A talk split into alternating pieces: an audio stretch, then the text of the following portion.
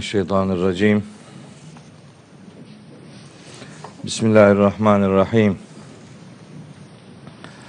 Elhamdülillahi Rabbil alemin. Salatu ve selamu ala seyyidina Muhammedin ve alihi ve ashabihi ve men tebi'ahu bi ihsanin ila yevmiddin. Kıymetli kardeşlerim,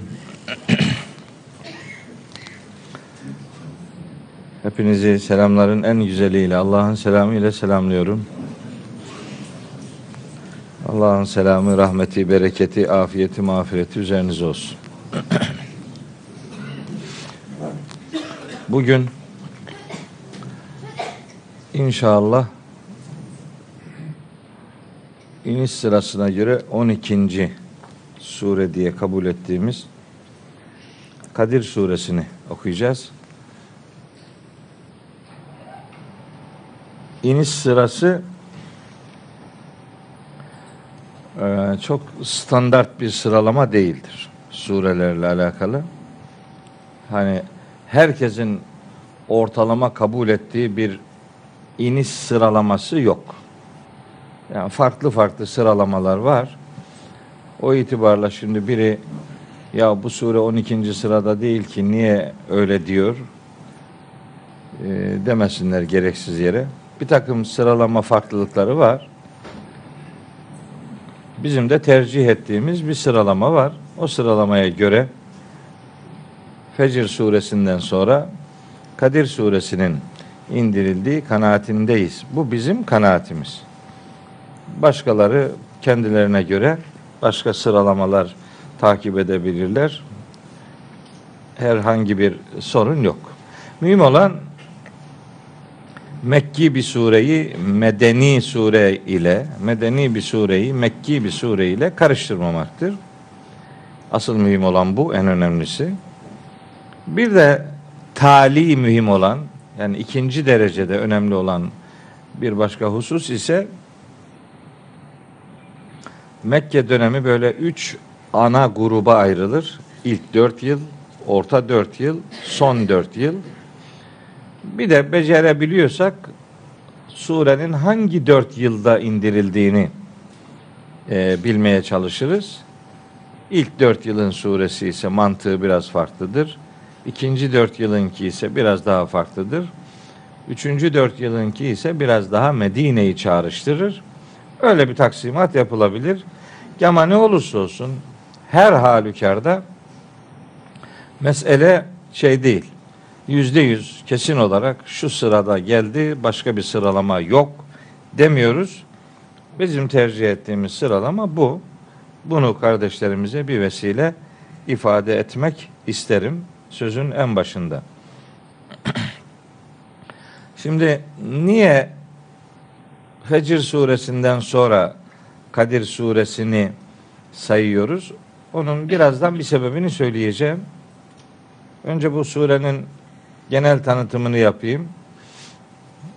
Kabulümüze göre 12. sırada inmiş bir suredir. Kadir suresi.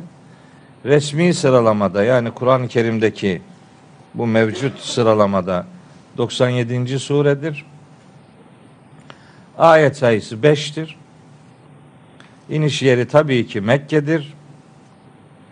5 ayetten oluştuğu için de öyle muhtevası hakkında çok derin tahliller yapmamıza başlangıç itibariyle çok gerek yok. Birinci, ikinci ayetleri Kadir gecesine ve önemine vurgu yapar. Üçüncü ayeti Kadir gecesinin bin aydan hayırlı oluşuna, dördüncü ayeti melekler, vahiy ve hayat ilişkisine, beşinci ayet ise o gecenin sabaha kadar esenlik oluşuna dikkat çeker. Aslında Kadir suresi tamam budur deyip geçebiliriz. Yani tamam anlattık işte bu. Beş ayet. İlk iki ayeti şu, üçüncüsü şu, dördüncüsü, beşincisi. Bakalım böyle mi? Siz bunun böyle olmadığını zaten üç yıldır biliyorsunuz. Bir sürü şey söyleyeceğiz. Bak bir sürü şey not aldım. Kaç? Tam 24 kartlık bir bilgiyle geldim. Bunları bugün anlatacağız. Esasında hedefim şuydu. Dedim ki ilk defa bir değişiklik yapayım. Bugün 3 sure okuyayım. Hazırlarken de öyle gülüyor Hacı abi. Hiç inanamıyor yani. Yani hiç olacak iş değil diye. Ya bu sureden sonra Asır suresi var. Ondan sonra Adiyat suresi var. Çok detaylandırmadan bu üçünü anlatabilirim diye tahayyül ettim. Bunları hazırlarken bir baktım ki hiç kahramanlığın lüzumu yok. Bunları anlatmanın imkanı yok. Geçiştireceğiz yani. Bizim baştan beri takip ettiğimiz metodumuza uygun bir iş yapmamış olacağız. O itibarla biz gene bildiğimiz doğruyu alıştığımız doğrultuda yaşamaya ve örneklendirmeye gayret edelim inşallah. Anlayalım. Anlayınca da işin tadı tuzu daha yakından hissedilecek. Şimdi bu surenin yani Kadir suresinin Fecir suresinden sonra indirildiği kanaatindeyiz. Bunun sebebi ben her sureye başlarken o surenin kendisinden önce indirilen sure ile anlam ilişkisi nedir sorusunu sorar ve iki sure arasındaki konu ilişkisini bulmaya çalışırım. Böylece bu surelerin birbirinin peşinden indiğine dair görüşümüzü de desteklemiş oluruz. Havada bir slogan gibi değil, ayakları yere basan bir tercih olduğunu ortaya koyarız. Bu iki sure arasında nasıl bir anlam ilişkisi var? Mesela Fecir suresinin başında 10 geceye yemin vardı. Ve leyalin aşrin. 10 geceye yemin yani bir gece ile alakalı ki onları anlatırken o 10 gecenin 10 geceden maksadın içinde Kadir gecesinin de bulunduğu vahyin indirilmeye başlandığı Ramazan'ın son 10 gecesi olduğunu söylemiştim. Yani bundan 3 ders önce bunu ifade etmiştim. İşte o gün ifade ettiğim 10 gecenin vahiy ile ilişkisi bu surenin ilk ayetindeki Kadir gecesi ile anlam ilişkisine sahip olduğunu gösteren delillerden bir tanesidir. Sonra hayatı inşa etmek için gecenin önemine dair o derslerde de uzun uzadıya anlatmıştım. Orada gecenin önemine dair gerçekleştirilen vurguyla bu surede zaten bütünüyle Kadir gecesi üzerinden Kadir gecesinde indirilen ayetlerin vahyin toplumu inşa edici misyonundan söz ediliyordu, ediliyor. O da bir konu bağı ortaya koyar. Dahasını söyleyelim. Fecr suresinin birinci ayeti vel fecri Kadir suresinin son ayeti hatta matla'il fecri yani aynı kelime iki surede de var. İkisinin de vahyin aydınlığına dair bir mesaj içeriği ortak konusuna sahip olduğunu söyleyebiliriz. İki sure arasındaki anlam ilişkisini, konu irtibatını bu üç noktada şekillendirebiliriz.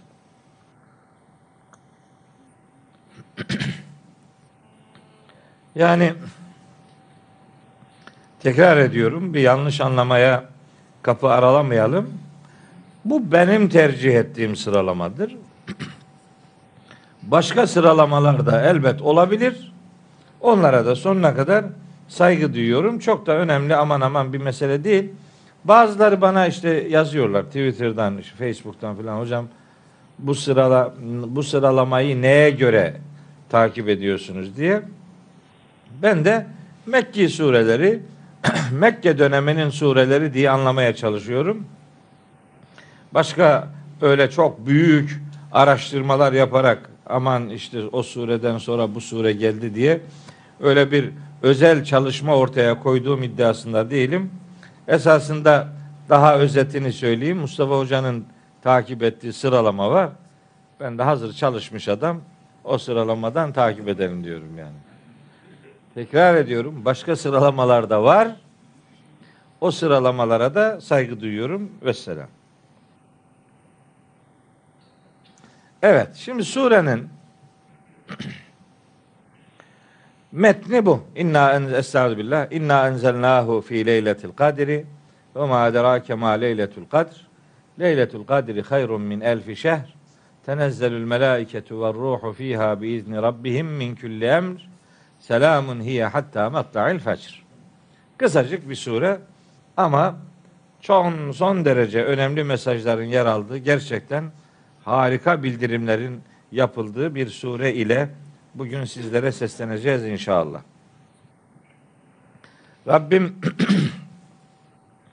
sure ile alakalı söyleyeceklerimi önce bana söyleyebilmeyi doğru, doğru söyleyebilmeyi, doğru ifade edebilmeyi lütfeylesin. Sonra da dinleyenlere doğru dinlemeyi, doğru anlamayı nasip ve müyesser eylesin diye dua ile başlamış olalım. Sure şöyle başlıyor. Bismillahirrahmanirrahim. İnna enzelnahu fi leyletil kadri. Muhakkak ki biz onu Kadir gecesinde indirmeye başladık. Bir defa Kadir gecesinde indirdik diye toptan bir indirime, indirilişe dair bir mana vermediğimi ifade edeyim. Yani biz Kur'an'ı Kadir gecesinde indirdik diye kestirip atmıyorum. Çünkü şöyle kabuller var. İşte Kur'an-ı Kerim Berat gecesinde levh-i mahfuzdan dünya semasına geldi. Bir toptan geldi. Sonra da Kadir gecesinde peyderpey o dünya semasından peygamberimize doğru indirilmeye başlandı. Öyle bir kabul var. Ben bu kabulü doğru bulmuyorum. Öyle önce toptan sonra perakende bir indirilişin olmadığı kanaatindeyim. Her defası Allahu Teala'nın buyruğuyla Cebrail Aleyhisselam'a bildirilmiş. O da her Allah'ın istediği her dönemde istediği ayetleri getirip Peygamber Efendimizin kalbine ilka etmiştir. Kalbine, Peygamberimizin kalbine geldi bunlar. Gönül ekranına düştü. Oradan onları söyledi. Peygamberimiz böyle Cebrail aleyhisselam karşısına gelip okumuş da Peygamberimiz de onu onun okumasını takip ederek onu e, izlememiş. Yani onun sözlerini böyle tekrarlamamış. Hafızlık yapar gibi biri okumuş, öbürü ezberlemiş. Öyle bir diyalog öyle değil yani. Bunu böyle anlatıyorlar biliyor musunuz? Bunu böyle anlatıyor ya. Hiç kimse de bir şey demiyor. Yani ne kadar Kur'ansız adamlarsınız ya. Hiç bir kere de mi okumadınız? Yani insan Bakara suresinin 97. ayetine ya ilk sure üstelik yani bunu bir defa manasını merak ederek okumaya başladıysan Bakara suresinin 97. ayetinde vahyin Hazreti Peygamber'in kalbine Cebrail aleyhisselamın getirdiğini görürdün yani. Bu çok açık bu. Hala daha başka edebiyatlar üretmenin bir alemi yok. Kul men kana aduven li Cibril'e fe innehu nezzelehu ala kalbike Allah şey Cebrail onu senin kalbine indirdi. Kalbine peygamberimizin. Böyle bir naklen Kur'an yayını yapılmadı yani. Hatta o okumayanlar tabi 26. surenin son grup ayetini de okumamışlardır. Nezaketen bundan sonra baksınlar bari. Şu Ara suresinin 192, 193, 194, 195, 196. ayetleri var. Vahyin indirilişinden söz eder. Kur'an'ın peygamberimize nasıl geldiğini, nasıl getirildiğini anlatır. Şu ara 192 196. Estağfirullah. Ve innehu letenzilu rabbil alemin. Kur'an alemlerin Rabbi tarafından indirilmiş bir hakikattır. Nezele bihir ruhul emin. Kur'an'ı güvenilir ruh indirmiştir. Ala kalbike senin kalbine. Yani Kur'an'ı Cebrail aleyhisselam Hazreti Peygamber'in kalbine indirmiştir. İtekûne minel münzirin. Peygamberimiz uyarıcılardan olsun diye bilisanin arabiyyin mübin apaçık bir Arapça diliyle indirmiştir. Ve innehu lefi zübürül evvelin Kur'an daha öncekilerin sahifelerinde de muhteva olarak elbette vardı diye böyle bir Kur'an tarifi yapılır. Cebrail aleyhisselamın onu peygamberimizin kalbine getirip ilka ettiği Kur'an'la sabittir. Evet. Şimdi ben bu inna enzelnahu fi leyletil kadri. Bu birinci ayetle alakalı uzun uza diye bir şeyler anlatmak istiyorum.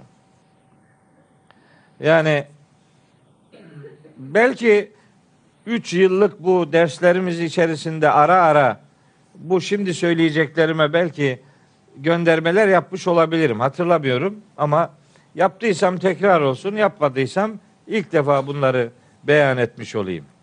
Bir, şimdi burada inna diye başlıyor. İnna, biz, muhakkak ki biz.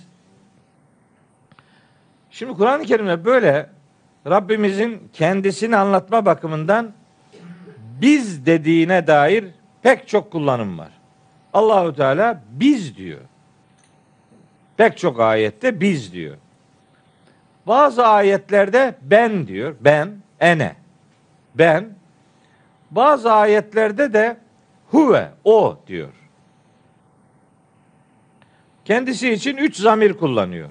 Biz, ben, o. Niye böyle acaba? Bunun çok önemli bir sebebi var. Çok önemli bir sebebi var. Bu sebep şu.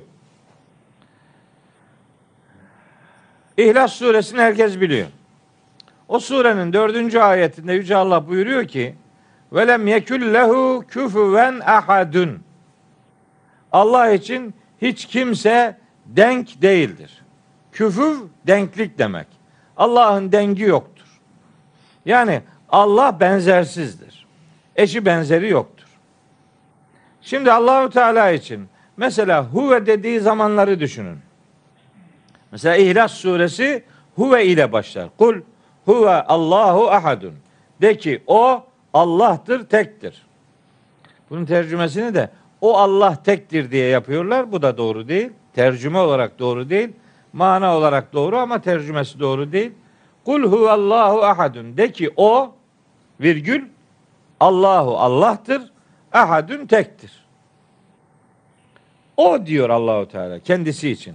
Kullanılan fiillerin Kur'an-ı Kerim'de Cenab-ı Hak'la alakalı kullanılan fiillerin büyük çoğunluğu da o zamiri üzerinden gider. Yani müfret müzekker gaip deriz ona biz yani. O. Türkçedeki karşılığı o.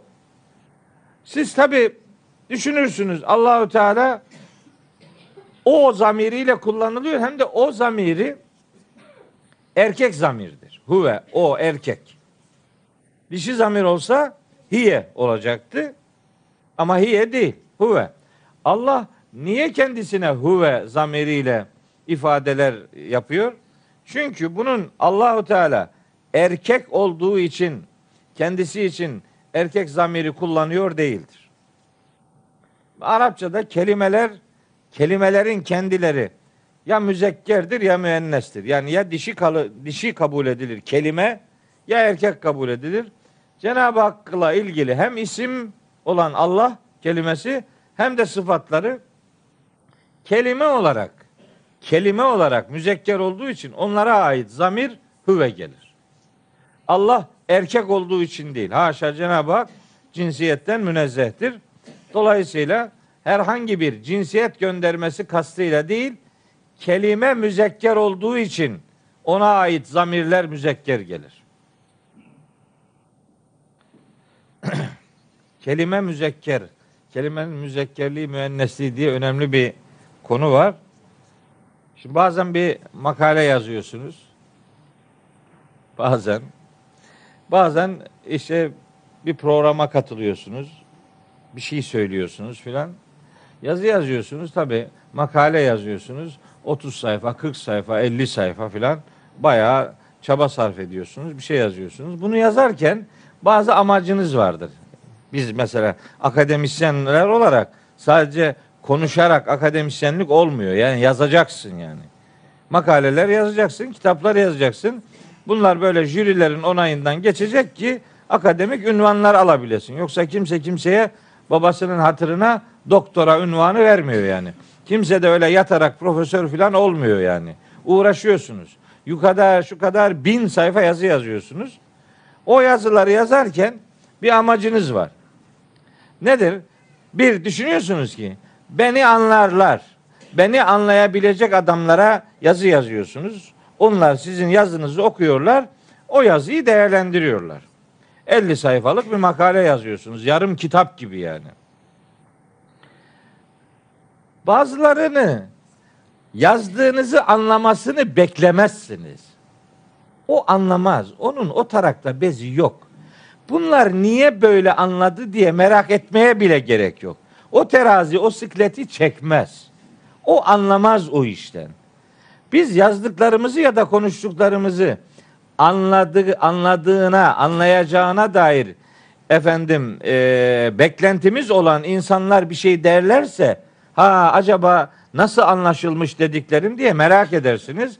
Kendinizi çek edersiniz. Anlama ihtimali sıfır olan adamlar var. Sıfır. Bu sıfırlar ne diyorlar diye merak etmezsiniz yani. Onun için bazen hiç ciddiye almaya değmez. Gürültü, kuru gürültüden başka bir şey değildir dersiniz. Bu sözümün kime dair bir söz olduğunu ilgililer bilirler. Başka daha bir detay vermiyorum. Arapçada hangi kelime erkektir, hangisi dişidir? Kusura bakma. Senin dedenden daha çok okumuşum ben onları. Hiç kusura bakma yani. Evet. Şimdi kelimeler müzekker olur mu? Konuyu açmıyorum. Niye biliyor musunuz? Vallahi ve billahi burada kullanamayacağım kelimeler devreye girer de onun için yani. Çok ayıp şeyler devreye girer de onun için. Gerçekten ya hayret ediyorum ya. Nasıl bir insanlık tipi bunlar? Nasıl bir garabet yaratık bunlar ya? Hayret, hayret, hayret. Ama anlamalarını beklemediğim için sözlerini de merak etmiyorum. Bunlara göre iş değil bu bizim yaptığımız. Onların or oradan bir bahreleri yok yani. Ana diyecek dedem öyle dedi, babam böyle dedi, nenem de öyle demişti. Demek ki böyledir. Tamam işte onunki bu. Dedesi, babası, nenesi ne dediyse onun dini o. Bizim dinimiz bu. Bu kitaptan bir şeyler anlamaya çalışıyoruz. Bu kitabın dine, bilime ve hayata dair söylemleri var. Onların öyle bir derdi olmadığı için bu kitabın güne ne söylediğine dair bir özlemi bulunmadığı için nenesi ne dediyse onunla ilgileniyor. Başka bir dünyaları yok bunların. Evet, kelimenin zamire dair bağlantısı kelime erkek midir, dişi midir onu ben bilirim. Kimse kusura bakmasın. O kadar da değil yani. He. Şimdi Sena bu kadar işte. Evet. Allahu Teala zatıyla alakalı üç zamir kullanıyor. Bir huve o, iki ene ben, üç nahnu biz. Niye? Çünkü eğer insan Allahu Teala'nın zatıyla alakalı ha Allah hep huve huve o dediğine göre muhtemelen bu erkek bir varlıktır diye bir algı bir adamın aklına gelirse Cenab-ı Hak orada bir bakıyorsunuz ki hemen biz diyor. Ah o oldu biz çoğul. Sonra bir bakıyorsun ben diyor. Huve değişiyor. Ene oluyor. Değişiyor. Nahnu oluyor. Bu şu demektir. Şura suresinin 11. ayeti. Leyse kemislihi şeyun. Hiçbir şey onun benzeri gibi bile olamaz ve selam. Siz neyi Allah'a benzetirseniz ya da Allah'ı her neye benzetirseniz bilesiniz ki Allah o benzetmenizin konusuna müsait değildir. Onun için Arapların bununla alakalı çok güzel bir sözü vardır.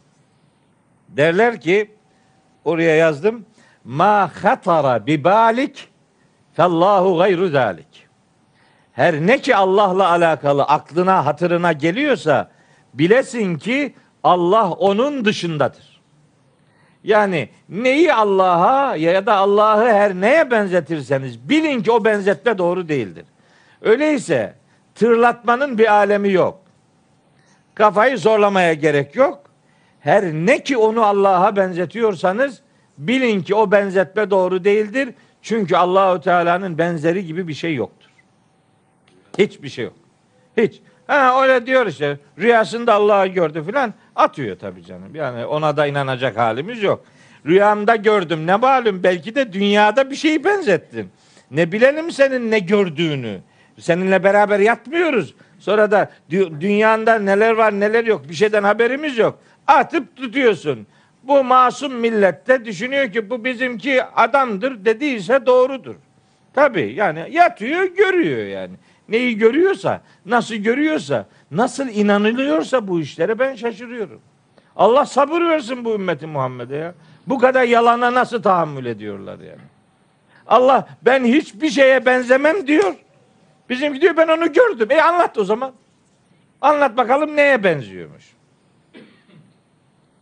Allah'ı görmek biraz biraz nadir. Onu fazla kullanmıyorlar da böyle önüne gelen peygamberi görüyor aleyhisselam. Yatıyor görüyor. Ne malum gördüğün oydu? Ya başka bir şey gördüysen? Gördüğünün Hazreti Peygamber olduğundan emin olabilmek için onun sağlığında görmüş olman lazım. Ha bu oydu demen için. E, görmedin de arada 1400 sene var. Nasıl gördün? Kim bilir kimi görüyorsun? Biliyor musunuz? 1987 miydi? 88 miydi? Seçimler vardı. O zaman ilk oy kullanacaktım. 87 seçimleri miydi? Neyse. Oy kullanacaktım. Rahmetli babama dedim ki o zamanlar yani parti marti işlerinden de çok anlamıyorum. Baba dedim kime oy vereceğiz dedim. E dedi görmüyor musun bu partiler hangisi senin değerlerine daha uygunsa ona oy ver falan. E anlamıyoruz dedim ama neyse gene de şey yapalım dedim. İstihare yapayım dedim. Bize böyle bir yatağa mahkum olma vardı. Yatarsın görürsün filan. Yattık. Sabahtan kalktım dedim ki babama baba istihare yaptım dedim. O zaman 20'li yaşlardayım. 20 21 neyse. Şu şunu gördüm dedim işte. Bir bir partinin liderini söyledim. Babam dedi bana he dedi. Yatarken beni düşünseydin beni görürdün dedi. Onu düşünerek yattın onu gördün.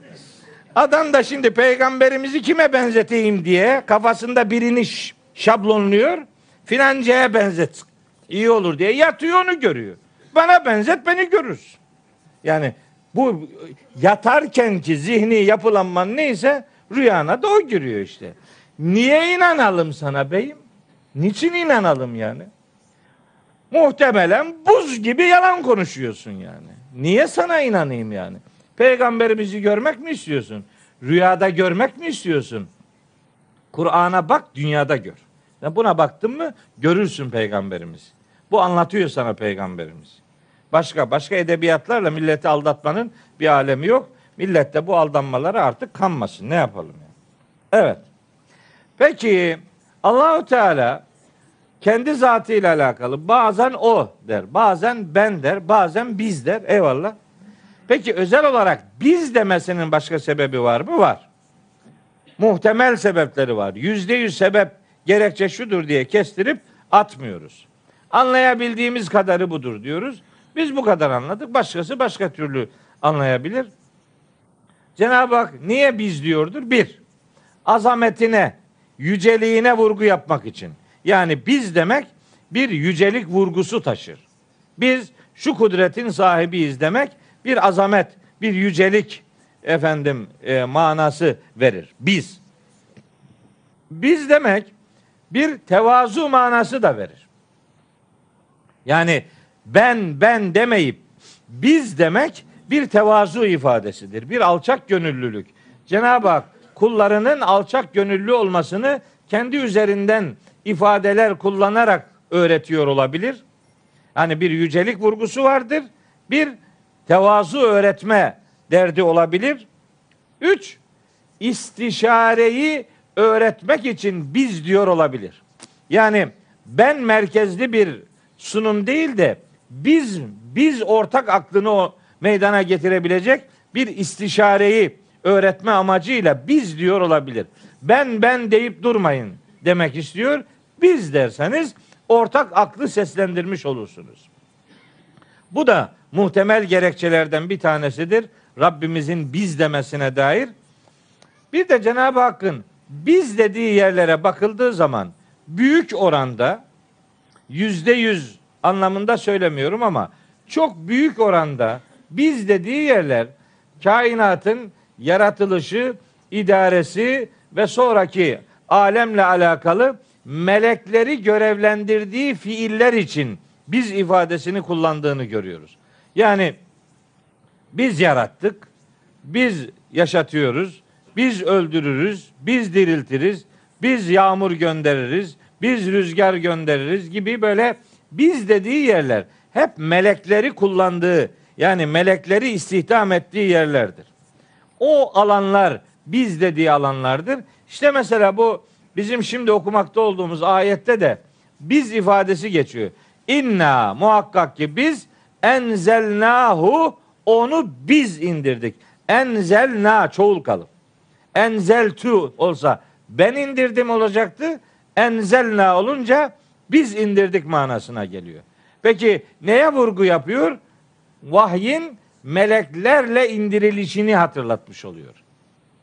Böylece Cenab-ı Hakk'ın biz dediği yerler bilelim ki meleklerin istihdamının söz konusu olduğu yerlerdir. Onun için Rabbimiz biz ifadelerini kullanıyor diyebiliriz. Bunlar birer ihtimaldir.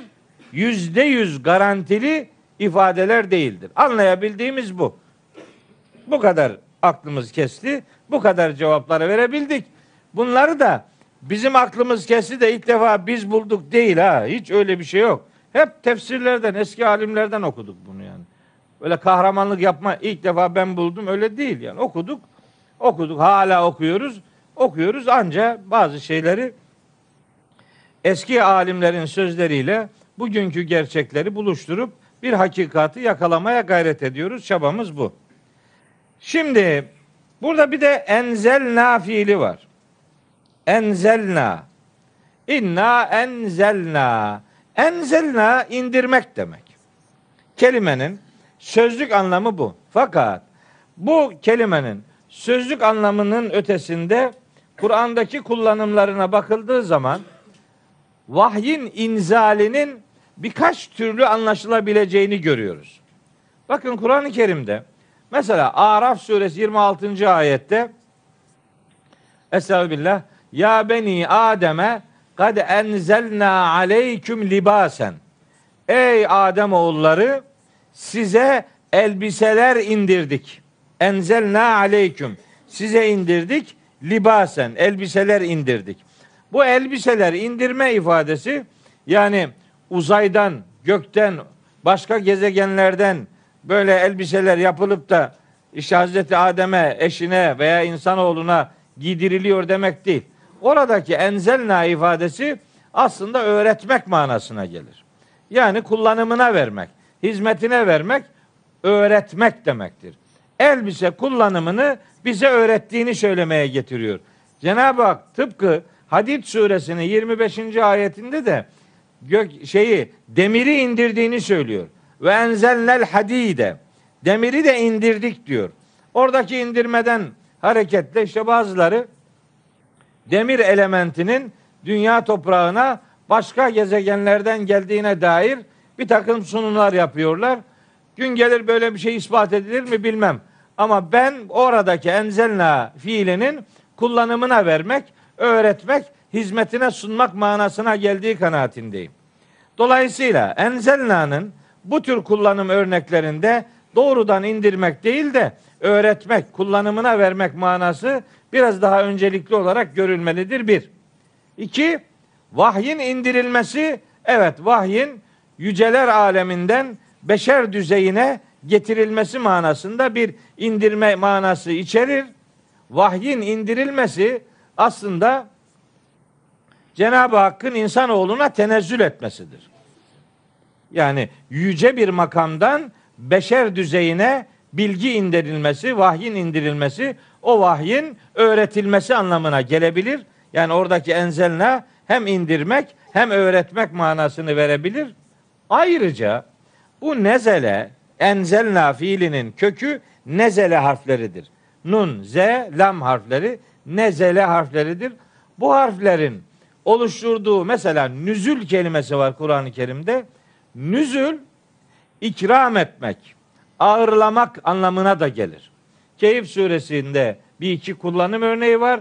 Fussilet suresinde 32. ayette bu kelime doğrudan kullanılıyor. Nüzülen bir ikram olarak demek. Ha bu üç anlamı beraber düşündüğümüz zaman vahyin inzali aslında vahyin indirilmesi yani Kur'an'ın indirilmesi, Kur'an'ın vahyedilmesi, Kur'an'ın öğretilmesi ve Allahu Teala'nın insanoğluna böylece ikramlarda bulunması demektir. Allah'ın inzal etmesi, Allah'ın ikram etmesi manasına alınabilir. Dolayısıyla enzelna fiiline ikram manası vermek gerekiyor. Sadece indirmek ifadesiyle meseleyi geçiştirmemek durumundayız. Belki işin ehli merak ediyordur diye söyleyeyim. Aslında e, doğrudan bu ayetleri anlatırken o konuya temas etmek çok büyük bir zorunluluk değildir. Ama bazen özel merakı olanların da mümkünse merakını gidermek lazım. Enzelna, enzele fiili inzal kalıbından tanıtılır. İnzal. Vahyin inzali var, bir de vahyin tenzili var denilir. İnzal, tenzil. İnzal genellikle vahyin böyle toptan indirilmesi için kullanılır deniliyor. Tenzil ise onun peyderpey indirilmesi için kullanıldığı söyleniyor. İnzal toptan indirme, tenzil yavaş yavaş parça parça indirme. Öyle yorumlanıyor. Bu doğru mu? Bence bu da doğru değil bu tarif. Bu tanım, bu ayrım çok doğru değil. En azından şimdi okuduğumuz ayet için bile doğru değil. İnna enzelnahu diyor. O ta o ayrım doğru olsaydı bu ayet inna nezzelnahu olacaktı. Yani peyderpey değil mi? Kur'an-ı Kerim Kadir gecesinde toptan gelmedi. Pey, gelmeye başladı. Gelen ayetlerin hangileri olduğunu biliyoruz. Gelmeye başladıysa inzal toptan tenzil parça parça indiriliş manasına geliyorsa eğer o zaman bu ayet inna enzelnahu değil inna nezzelnahu olması lazımdı ki öyle değil işte. Demek ki o ayrım çok doğru değil. Hatta böyle çok kısa bir geçiş olmasın. Bir, bir iki ayet daha hatırlatayım bununla alakalı. Mesela Furkan suresinin 32. ayetinde buyuruyor ki Rabbimiz kafirlerin bir sözünü bize naklederken buyuruyor ki ve kâlellezîne keferu kafirler derlermiş ki demişler ki levla nüzzile aleyhil Kur'anu cümleten vahideten Kur'an ona topluca bir anda indirilseydi ya. Şimdi beklenirdi ki buradaki fiil de nüzzile değil ünzile olsaydı. Toptan indirilme manası eğer inzal kökünden elde edilecekse mesela burada nüzzile değil de ünzile denmesi lazımdı. Öyle denmiyor işte. Toptan indirilmeden söz edilen ayette bile ünzile değil nüzzile kelimesi kullanılıyor. Nüzzile kalıbı kullanılıyor. Bir tane daha söyleyeyim. Mesela Ali İmran suresinin 3. ayetinde bu fiil iki defa geçiyor. Ali İmran suresi 3. ayet. Buyuruyor ki Yüce Allah. Nez elif la mim Allahu la ilahe illa huvel hayyul kayyum nezzele nezzele aleykel kitabe bil hakkı Allah bu kitabı sana bir amaç uğrunda indirmiştir. Musaddikan lima beyne yedeyhi senden önceki yani kendisinden önceki kitabı doğrulayıcı, tasdik edici olarak indirmiştir. Ve enzelet Tevrat ve İncil daha önce işte Tevrat'ı ve İncil'i de indirmişti. Min kablu huden linnâsi ve enzelel furkane. Bak nezzele aleykel kitabe diye başladı. Bu kitabı sana tenzil etti Allah. Yani indirdi. Nezzele fiilini kullandı. Dördüncü ayette de enzele fiilini kullandı. Demek ki her biri bunların peyderpey indirmek manasına geliyor. Birine toptan indirme, diğerine parça parça indirme ayrımı yapmak çok doğru bir ayrım değildir. En azından Kur'an'daki kullanım pratikleri buna müsait değildir demek durumundayım. Evet. Şimdi bir şey daha söyleyeceğiz bu ayetle alakalı. İnna enzelnahu. Burada bir hu zamiri var. önemli bir zamir şimdi. Her dilde olduğu gibi Arapçada da zamirlerin hangi kelimeyi gördüğünü iyi bilmek lazım.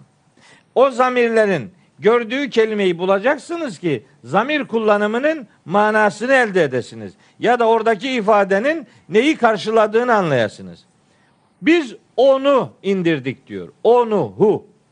Şimdi bir sözü söylerken o diyebilmeniz için önce onun ne olduğunu söylemiş olmanız lazım. Önce bir şeyden söz etmeden pat diye o diye başlamak işte buna bizim eski Arapça usulde izmar kable zikir derler. Yani bir kelimeyi kullanmadan ona ait zamir kullanmak çok doğru bir kullanım biçimi değildir. Ama burada şimdi hu, hu zamiri var. Hu. E bu nereye gidiyor bu? Sure böyle başladı. İnna enzelnahu. Daha önce ayetler yok. Bunu bu bilmek durumundayız. Ya da bunun bir kuralı varsa o kurala tabi tutmak durumundayız bu ayeti.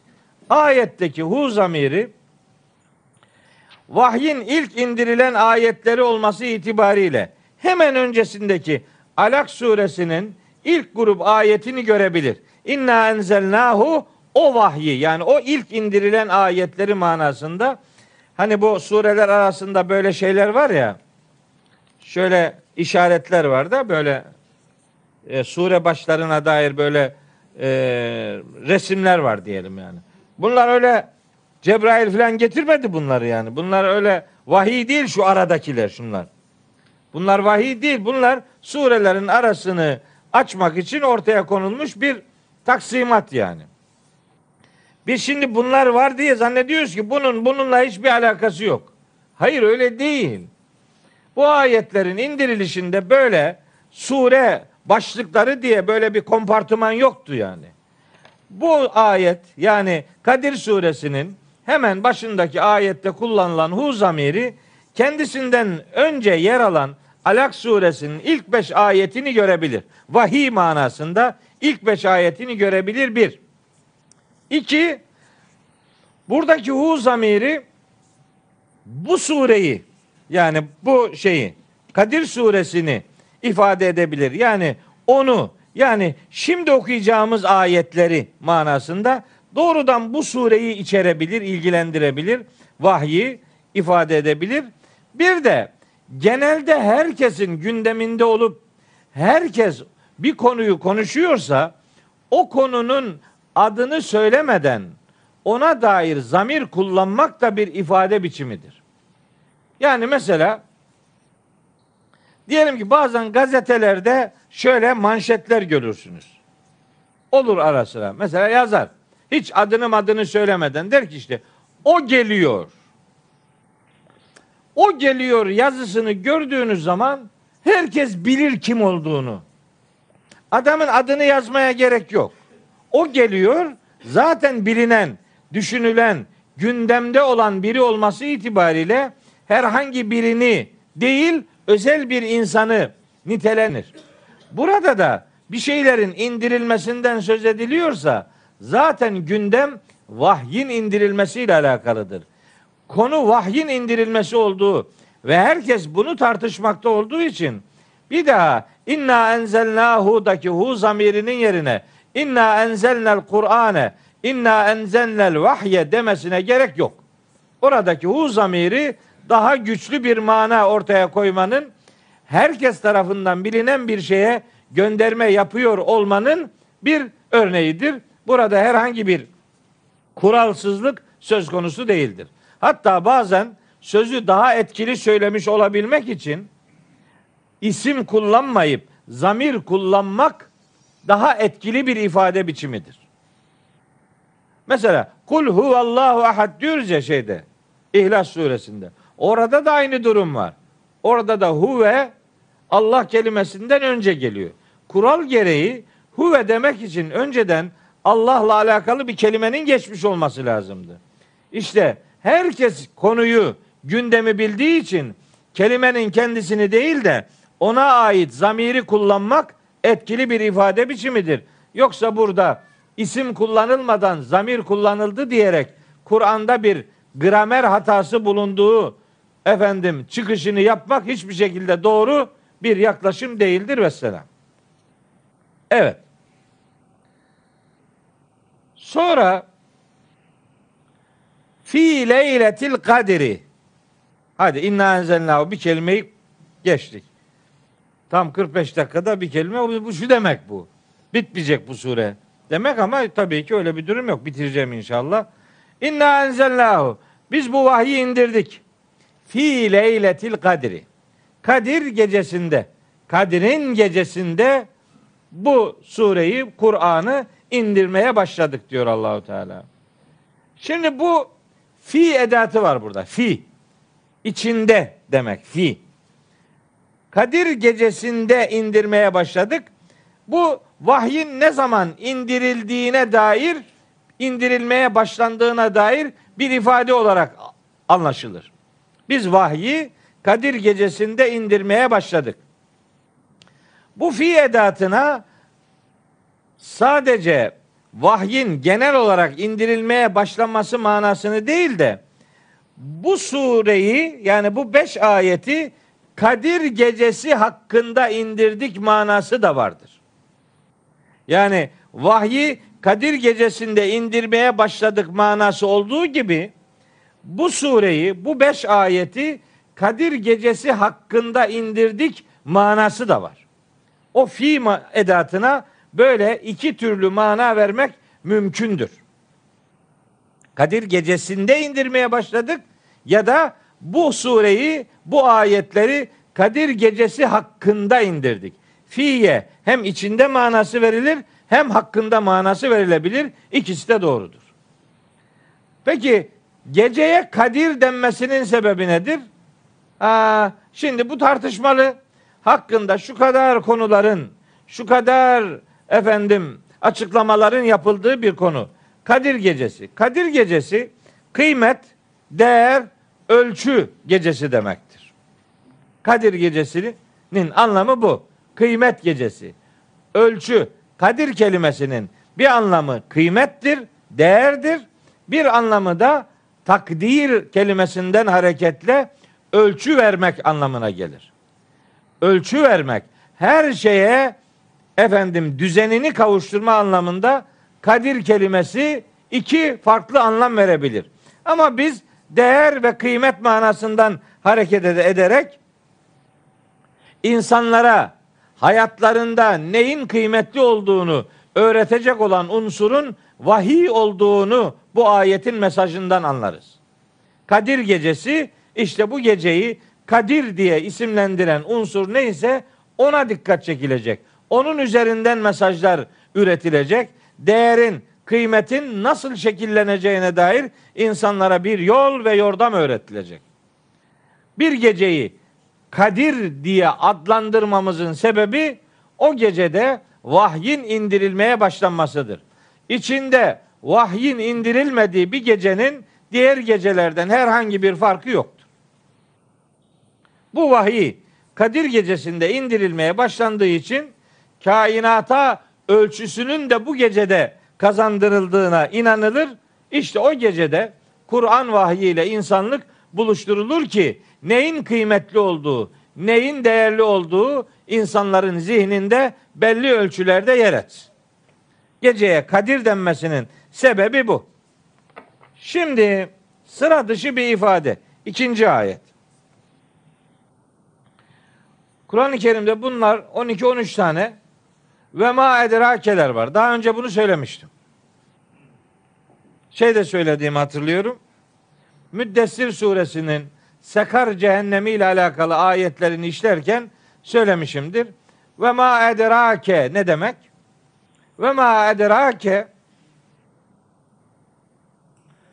edrake edreke kökünden gelmiyor. Öyle bir korkunç bir yanlış yapılıyor. Hayır. Edrake edreke ile alakalı değil. Edrake'nin kökü deradır. Dera kavramak, dirayet etmek, aklıyla bir şeyleri bulmak manasına geliyor. Ma edrake oradaki ke zamirdir. Sana bunu kavratan nedir? Ve ma edrake'ye sorulan sorular insanın vahyin kontrolü, vahyin katkısı olmadan insanın salt kendi zekasıyla, kendi gücüyle manasına, hakikatına ulaşamayacağı konuların bulunduğunu öğretir. Yani Allahu Teala neyi ve ma edrakeye konu edinmişse bilinmelidir ki oradaki ve ma edrakelerden kasıt sıra dışı bir mananın devreye gireceğinin habercisidir. Neye ve ma edrake diyorsa bilinen mananın dışında başka bir anlam devreye sokuluyor demektir. Sıra dışı bir anlam devreye sokuluyor. Bakın mesela diyor ki ve ma edrake mel akabe diyor mesela. Akabe nedir? Bunu sana bildiren ne olabilir ki? Sen bunu nasıl öğrenebilirsin ki? Sana bunu kim bildirmiş olabilir ki? Ney bunu sana bildirmiş olabilir ki? Yani kimse bunu sana bildirmiş olamaz. Ama halbuki el akabenin ne olduğunu biliyoruz. El akabe sarp yokuş demek. Yokuş yani. Ve Arapçayı bilen herkes bu kelimenin manasını bilir. Yokuş, sarp yokuş demek. Akabe bu demek. Ha, buranın adı da akabe. Yani böyle sarp yokuş yani fedakarlık isteyen fedakarlıklarla tırmanılması vaat edilen bir e, şey bir duruş ortaya koyan e, bir e, camianın adı. Akabe el akabe de Kur'ani bir kavram. Allahu Teala diyor ki bak el akabe senin anladığın manada bir sarp yokuş ve tümsekten ibaret değil diyor. Kendisi açıklıyor. Diyor ki akabe fekkür akabetin. Mesela bir boynu hürriyetine kavuşturmaktır. Ev it'amun fi yevmin zi mesgabetin. Zor bir günde kendisi kişinin muhtaç iken zor bir günde yedirmesi, doyurması, infak etmesi. Kime infak? Yetimen za mekrabetin. Yakınındaki yetimi doyurmasıdır. Ev miskinen za metrabetin ya da işte karnı toprağa yapışmış yoksulu doyurmasıdır. Bakın akabe kavramına Rabça bir anlam yüklüyor Cenab-ı Hak. Onun için biz söylüyoruz. Kur'an'ın metni Arapçadır. Kur'an'ın manası Rabçadır. Arapçayı her bilen kişi Kur'an'ı anlayamaz. Eğer öyle olsaydı bütün Araplar alim olurdu. Hiç de öyle değil yani. Arapçayı bilmek yetmiyor. Bunun Rabça bir dizaynı var. İşte bu Rabça dizaynların örneklerinden bir tanesi de ve ma edrake ifadeleridir. İşte burada da onu söylüyor Allahu Teala. 12 13 tane bunlar. Ve ma edrake sana bildiren ne olabilir ki? Ma leyletül kadri. Bu Kadir gecesinin ne olduğunu. Şimdi buradaki ma edatına da iki anlam veriliyor. Bir, zaman manası veriliyor. İki, mahiyet manası veriliyor. Zaman manasına göre kasıt şu. Ve ma edrake ma leyletül kadri demek ve ma edrake meta leyletül kadri demek yani. Kadir gecesinin ne zaman olduğunu sana bildiren ne olabilir ki? Bu anlam ihtimallerinden bir tanesi ama bence çok doğru bir anlam ihtimali değil. Yani peygamberimizin Kadir gecesinin ne zaman olduğunu yani vahyin ona ilk defa indirilmeye başlandığı zamanın ne zaman olduğunu bilmemesi mümkün mü? Mümkün mü yani bu bunu akıl kabul eder mi? Peygamberimize vahiy geldiği geceyi unutacak yani. Bence onu unutması mümkün değil. Çünkü kutlu doğum peygamberimizin vahiy ile buluştuğu gece ile alakalıdır. Şimdilerde uygulandığı gibi kutlu doğum peygamberimizin bedenen doğmasıyla ilişkilendiriliyor. Bu son derece son derece yani şey anlattınız. Yani son derece basit bir isimlendirme. Peygamberimizin doğumunun önemi bedenen doğması değil, ruhen doğmasıdır ki o onun vahiy ile buluşturulduğu zamandır. Ve peygamberimizin belki kendi doğduğu zamanı bilmiyordur. Olabilir. Zaten daha bebek denecek yaştayken annesi vefat etmişti. 6 yaşındayken annesi vefat etti. Babası zaten henüz kendisi doğmadan vefat etmişti. Yani onun tam doğumuyla alakalı bir sürede zaten süt anneye gitmişti. Yani sıkıntılı bir bebeklik ve çocukluk geçirmişti peygamberimiz. Belki kendi biyolojik doğumunun ne zaman olduğunu bilmemiş olabilme ihtimali var. Biz de bilmiyoruz işte. Tarihi yazdılar. Benimkine 28 Haziran dediler de oradan biliyoruz onu yoksa. Nereden bilecektik hangi gün doğduğumuzu? Fakat onu insan bilmeyebilir. Fakat vahyin peygamberimizle buluşturulduğu zamanı peygamberimizin unutmuş olma ihtimali sıfırdır bence. O zaman geriye ne kaldı? İşte bu ma leyletul kadrideki ma edatına mahiyet anlamı vermek. Ve ma ederake mahiyetü leyletil kadri. Kadir gecesinin mahiyetini sana bildiren ne olabilir ki? Yani o gecenin değerini sen nereden bileceksin ki? Evet, şimdi onun değerini Allahü Teala bildirirse peygamberimiz bunu bilecektir. Ve Kur'an'da ne kadar ve ma edrakeler varsa bunlarla sorulan soruların cevabını Yüce Allah kendisi vermiştir. Sorduğu sorunun peşinde veya genel vahyin içerisinde o sorulan sorular mutlaka cevaplandırılmıştır. Burada üç tane istisna var. Onların cevabını vermemiş. Üç ayet. Bunların bir tanesi Ahzab suresinde Allahu Teala Ahzab suresi 63. ayette ve ma yudrike diye bir ifade kullanıyor. Ve ma yudrike'nin muhtevasını bildirmiyor. Şura suresi 17. ayette var. Ve ma yudrike bir de Abese suresinin hemen başında var. Orada da ve ma yudrike ifadesi var 3. ayette. 3 tane.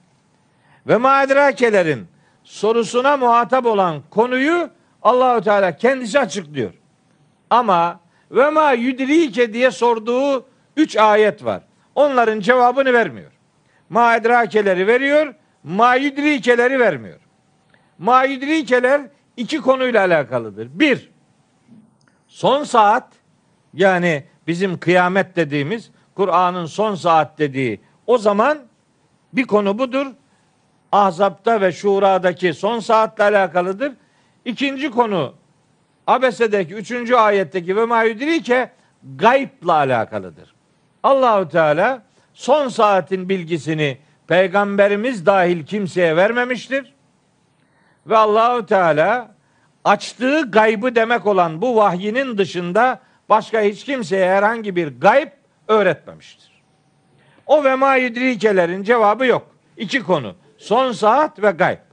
Ve ma edrakelerin cevabını bizatihi Cenab-ı Hak kendisi veriyor. İşte burada da ve ma edrakelerden biri var. Onların cevabını şimdi üç ayette Cenab-ı Hak şöyle veriyor.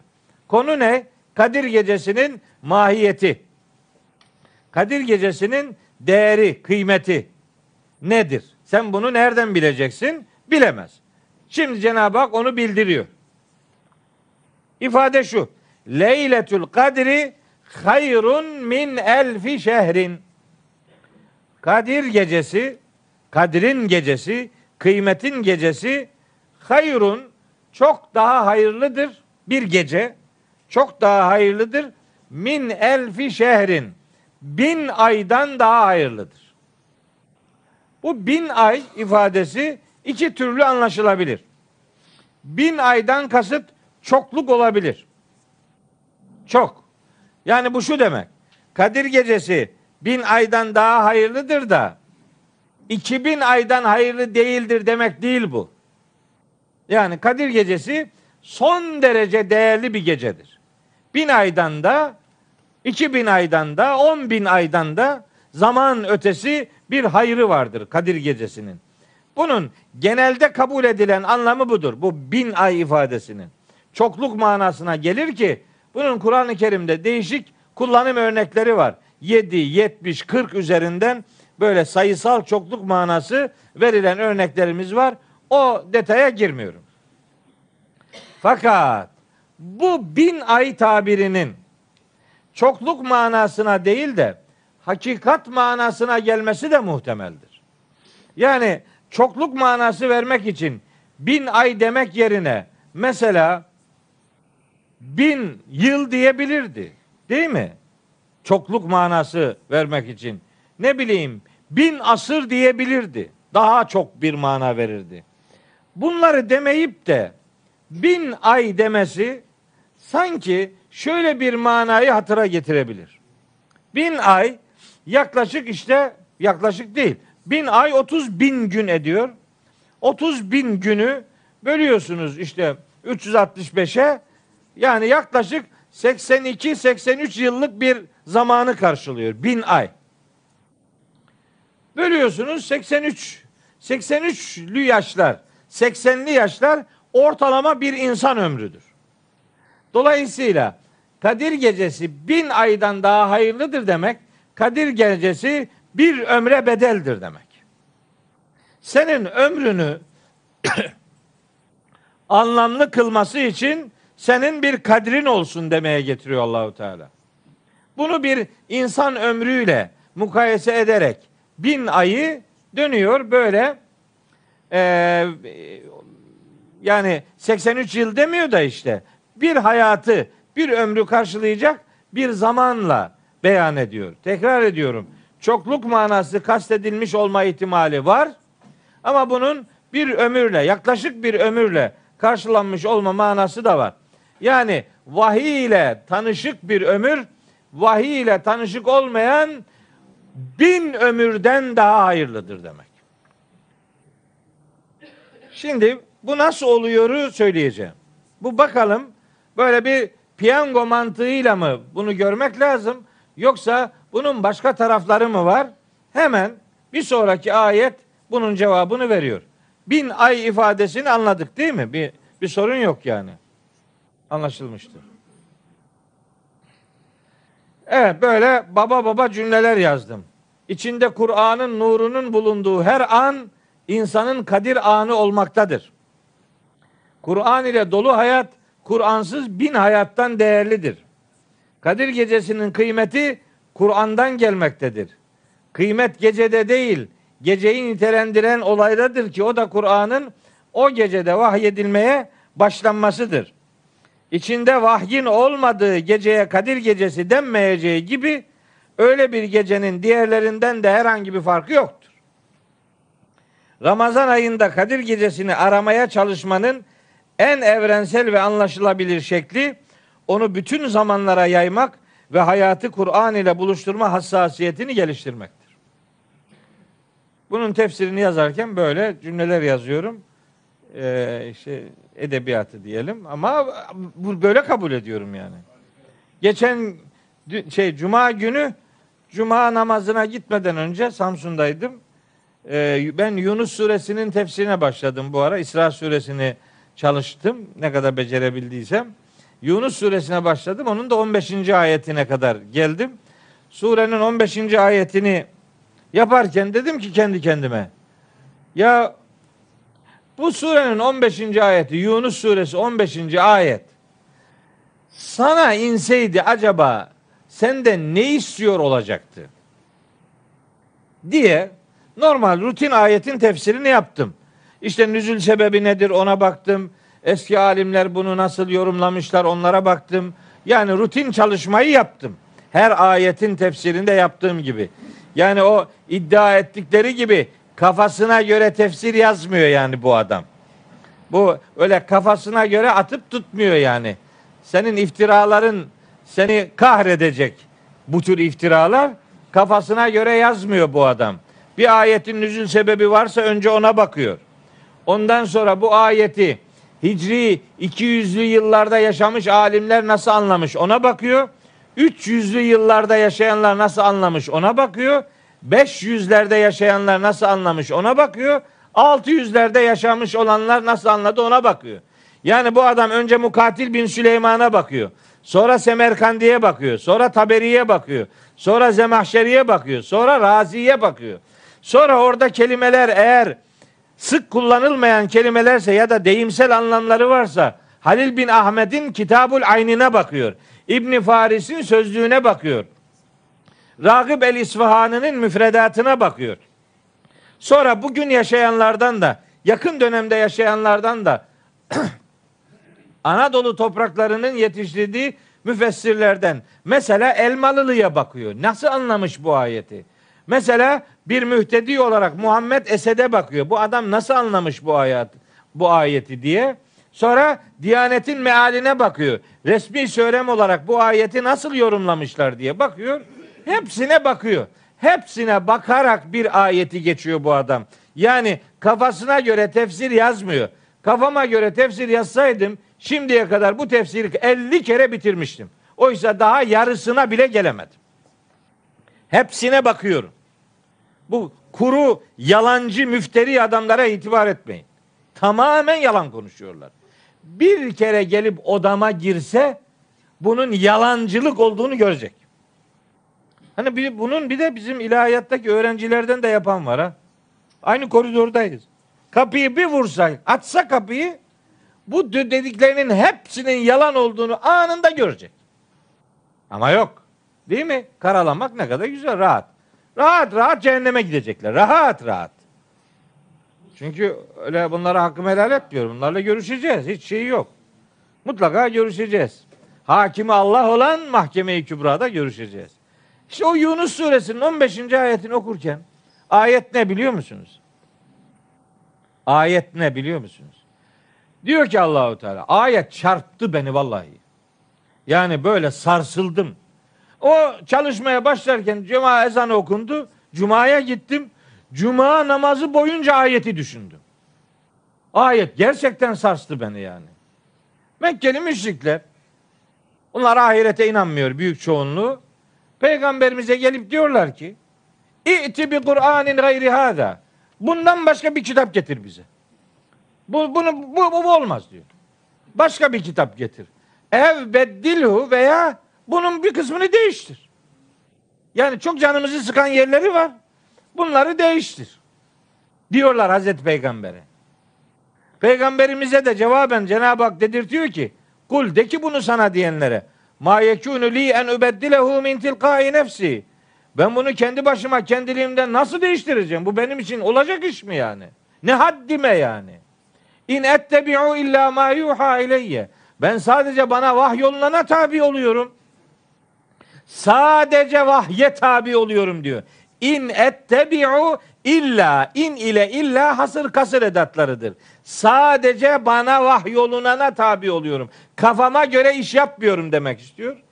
İnni akafu in asaytu rabbi azabe yevmin azimin. Aksi takdirde Rabbime isyan edersem yani yani ne biliyor musunuz o isyan? Ayetin içiyle alakalı. O isyan şu demek. Bu kitabı bu, bu kitabı değiştirdim koy kenara. Başka bir kitap. Veyahut da bu kitaptaki bazı yerler sarmıyor bana. Bunları kamufle edelim. Böyle allayıp pullayalım, değiştirelim, dönüştürelim. Tam böyle istediğimiz gibi olsun. Eğer öyle yaparsam Rabbime isyan ederim diyor. Ve Rabbime isyan edersem de o korkunç günün azabından korkarım diyor. Şimdi düşündüm ki ben bu ayet bize ne diyor acaba? Acaba içimizde şöyleleri var mı? Din, dini hayat mı? Kur'an değil bırak onu. Öbürünü aç.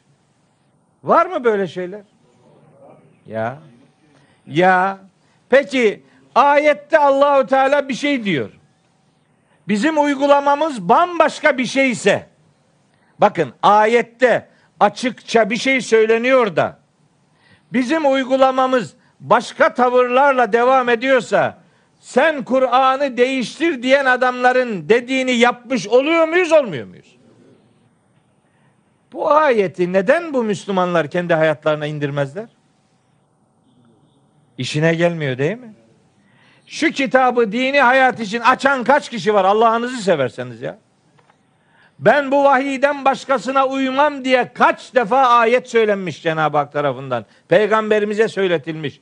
Bana bundan başka bir şeye uymamam emredildi diye ifadeler var. Şimdi ne yapıyor? Bizim dini hayatımızı ilgilendiren konularda Kitabullah'ı kaç kişi açıyor arkadaş ya? Bu kitabı bırak o kitabı diyor adam ya. Bırak o ayeti diyor. ayeti bırak diyor ya. Bunu nasıl dersin arkadaş ya? Sana Yunus suresinin 15. ayeti hatırlatılırsa ruzi mahşerde ne cevap vereceksin? Bu Kur'an'dan başka bir Kur'an getir diyor bak. Ya da bunu değiştir. Ya aynısını yapıyoruz ya bugün be.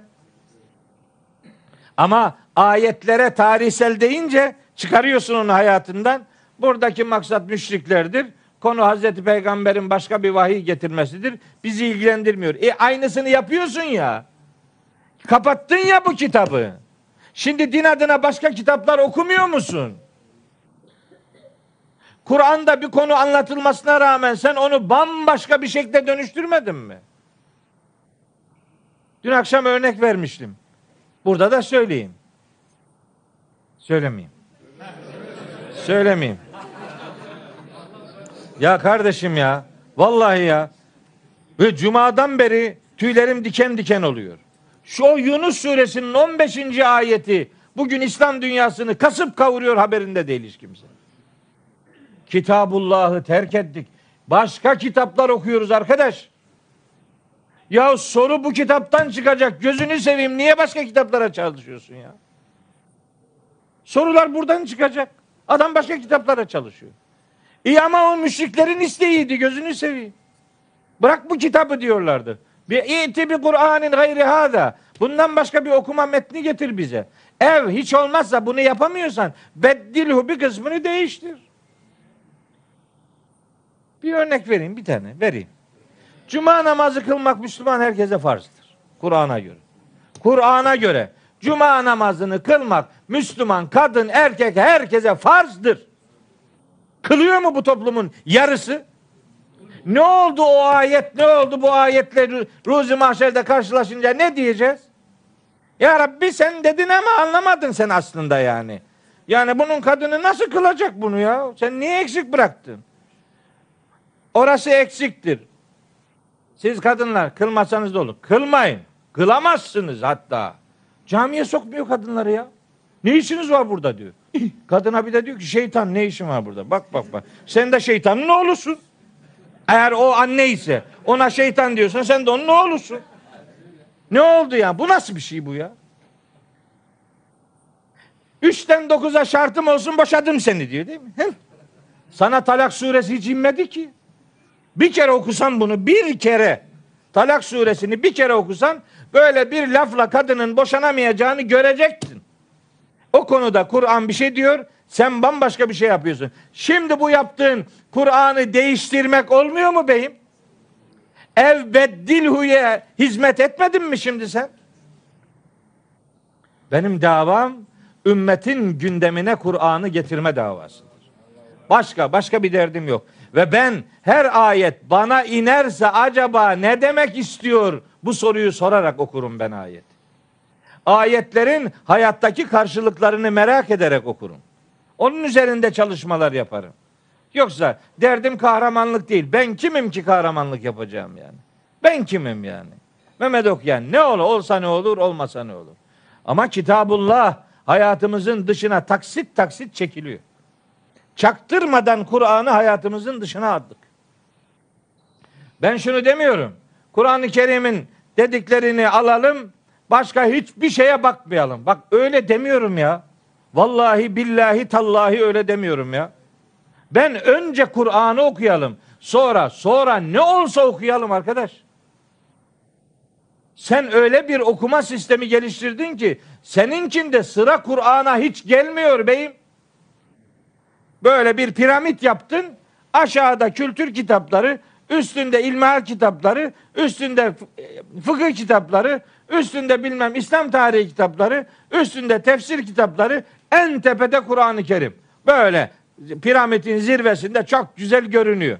Görünüyor da öbür kitaplardan sıra ona gelmiyor ki.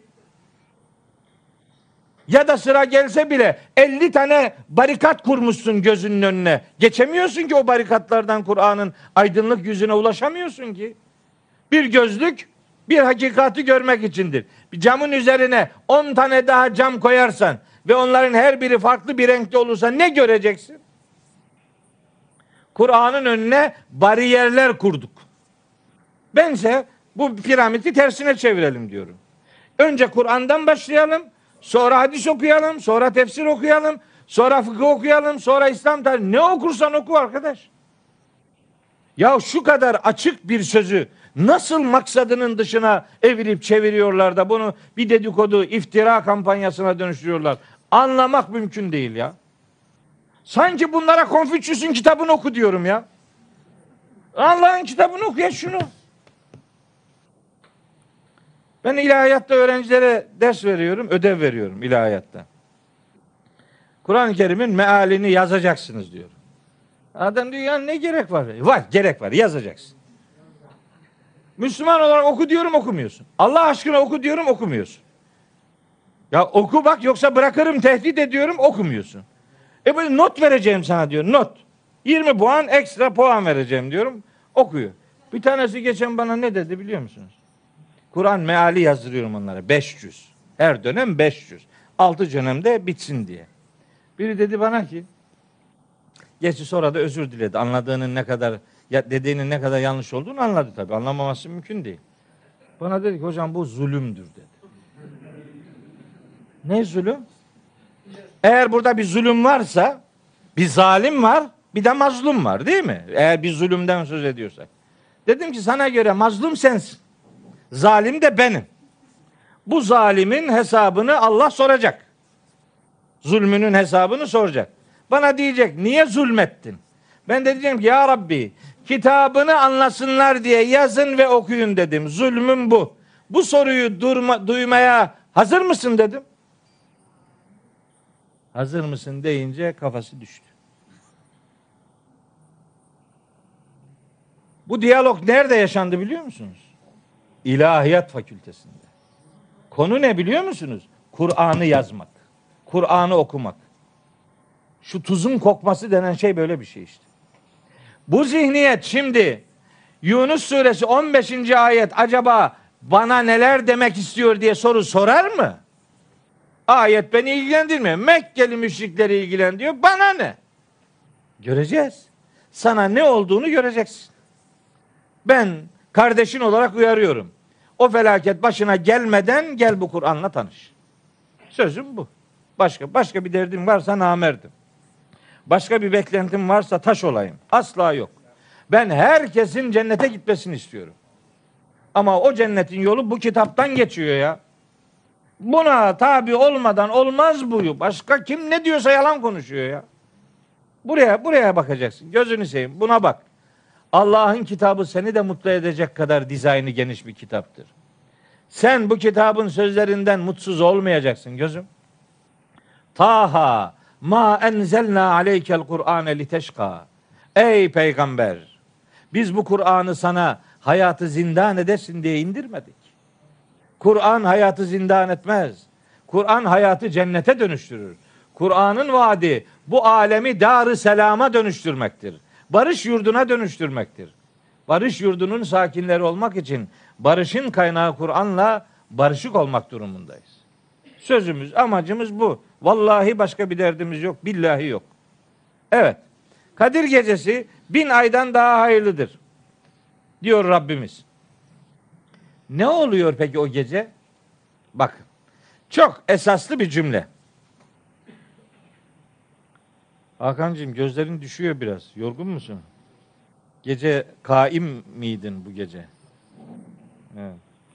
Böyle benim vahiy dostlarım var ara sıra takılıyorum. Şeref de öyle. Bu gece mesaj yazmadın. Uyudun öyle anlaşılıyor. Şeref bizim kuaför Şeref her gece kalktım demek için bana gece mesaj yazıyor. Hayırlı cumalar değil mi? Bir cuma yazıyor ama. Perşembede yok, çarşamba yok. Haftada bir kalkmayla idare ediyor herhalde. O da teheccüd vak vakti olsun. Tıraşımı da o yaptı. Nasıl olduysa bilmiyorum yani. Evet. Şimdi diyor ki Rabbimiz bakın o gece ne oldu? Çok sıra dışı bir şey söyleyeceğim. Dersin sonu ama hani biraz muhabbetli olsun, dinç olsun insanlar diye. Ee, çok e, buz gibi de olmasa espri yapmaya çalışıyorum. Bazen espri yapıyorsun adam bakıyor yüzüne. Ulan yani komik değilse bile Allah rızası için gül be. Adam helak oldu bir şey anlatıyor sana da yani adama tokat vurmuşsun gibi bakıyor böyle.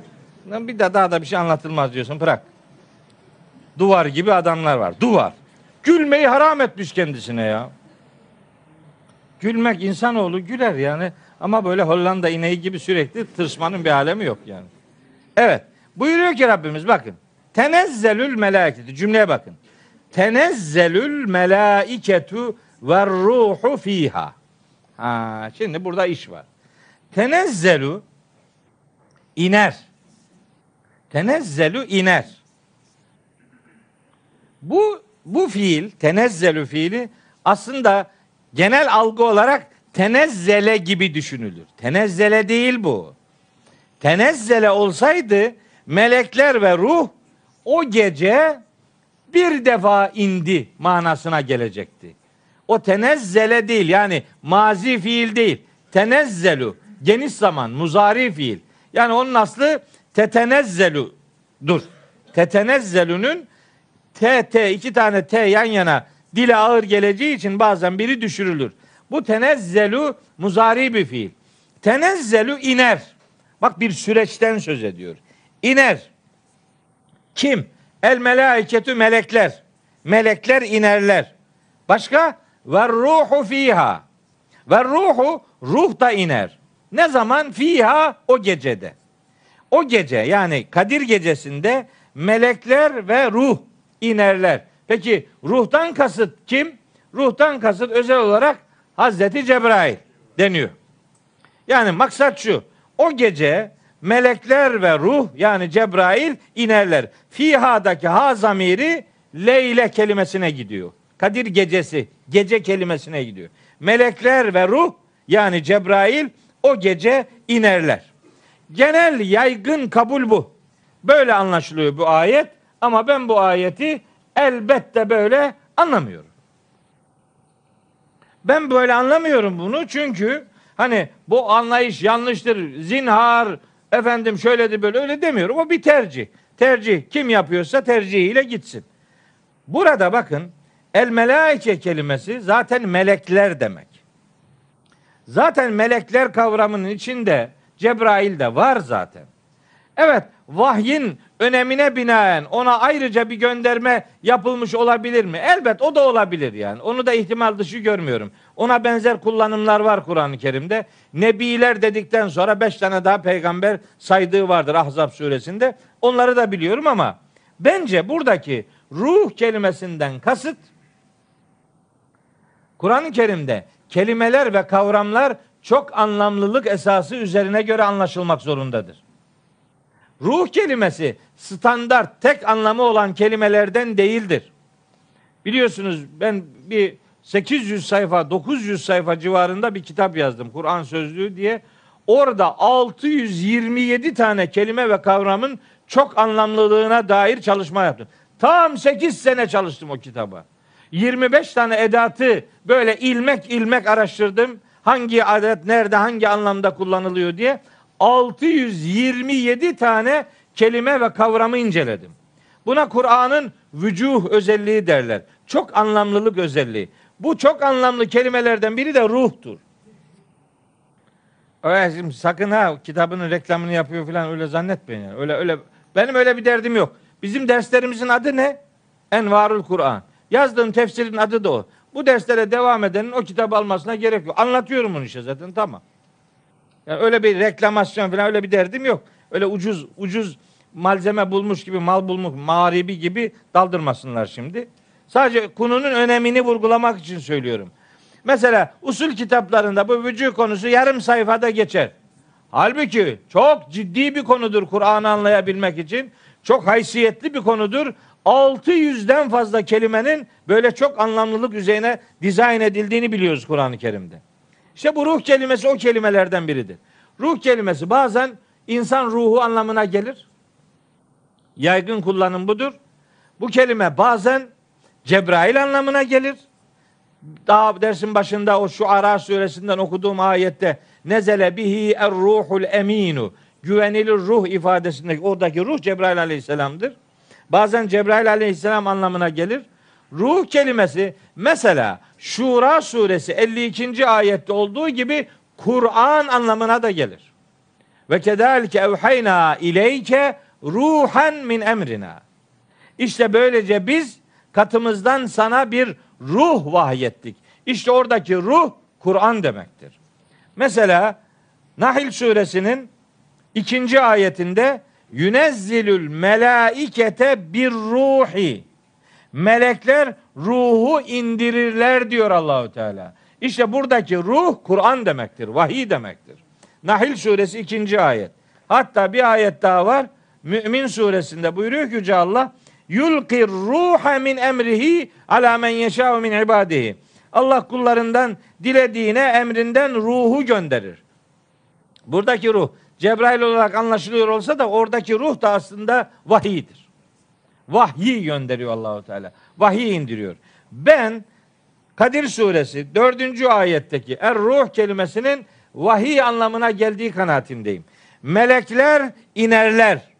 Ve ruhu fiha içlerinde ruh varken yani o fiha'daki ha zamiri meleklere gider. Bu görüşe göre melekler beraberlerinde ruh yani vahiy varken inerler. Melek sadece tek başına Cebrail aleyhisselamın geldiği zamanlar oldukça yoğundur. Ama bazen seremonik olarak melekler vahiy getirirler. Hani bu da öyle uçuk bir görüş değil. İlgililer bilirler. Cin suresinin 27-28. ayetlerini okurlarsa seremonik bir vahiy indirilişinden Kur'an'da söz edildiğini görürler. Evet. Bu tenezzelül melaiketu ve ruhu fiha bu iki çeşit anlaşılabilir. İşte biri dediğim gibi melekler e, ve Cebrail o gecede inerler manasına geliyor. Diğeri ise melekler beraberlerinde ruh varken yani vahiy varken inerler. Ama bakın inerler ifadesi var geniş zaman. Bir defa Kadir gecesine indi bitti demiyor. İniş devam ediyor demek ki süreç halinde meleklerin vahiy getirmesi. Yani bu ne kadar sürdü peygamberimize yönelik? 23 yıl sürdü. İşte o süreci anlatıyor. Melekler beraberlerinde vahiy varken iner de inerler. Bu tenezzelü, mele, tenezzelü kelimesinin muzari manasına, geniş zaman manasına alınması lazım geldiği ile alakalı çok önemli bir destek de Meryem suresinin 64. ayetidir. Orada Allahu Teala meleklerin ifadesiyle alakalı savaş gitme. Gidecekti oturdu gene. Ve ma netenezze bitiriyorum az kaldı. Ve ma netenezzelu illa bi emri rabbik. Ne, ma netenezzelu. Netenezzelu. Bakın geniş zaman. Muzari. Biz ineriz ancak Allah'ın buyruğuyla diyor. Allah'ın emriyle anlamı veriyor. Meryem suresi 64. ayette. Anlaşılıyor ki iniş devam ediyor. Bu inişin vahyi indirme anlamında yani Kur'an'ın metinsel anlamda indirilişiyle alakalı 23 yıl sürdü ve şimdi bitti o. Vahyin indirilişi bitti. Peygamberimizin hayatıyla bu bitti. 23 yıl sürdü bitti.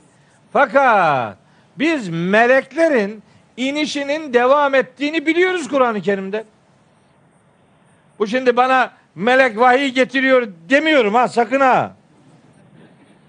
Öküzün altında buzağı arayan o kadar adam var ki memlekette. Kelimeleri nasıl kullanacağımı şaşırdım ya. Dibinden başına hep yanlış anlıyorlar ya. Özel yanlış anlamaya programlanmış adamlar var yani. Hayatta düzgün bakmıyor yani. Böyle bir tip var ortalıkta. Şimdi bakın ayet ayet. Netenezzelü dedi bak şeyde. Meryem suresi 64'te. Fussilet suresinin 30, 31, 32. ayetlerinde de var bu iş.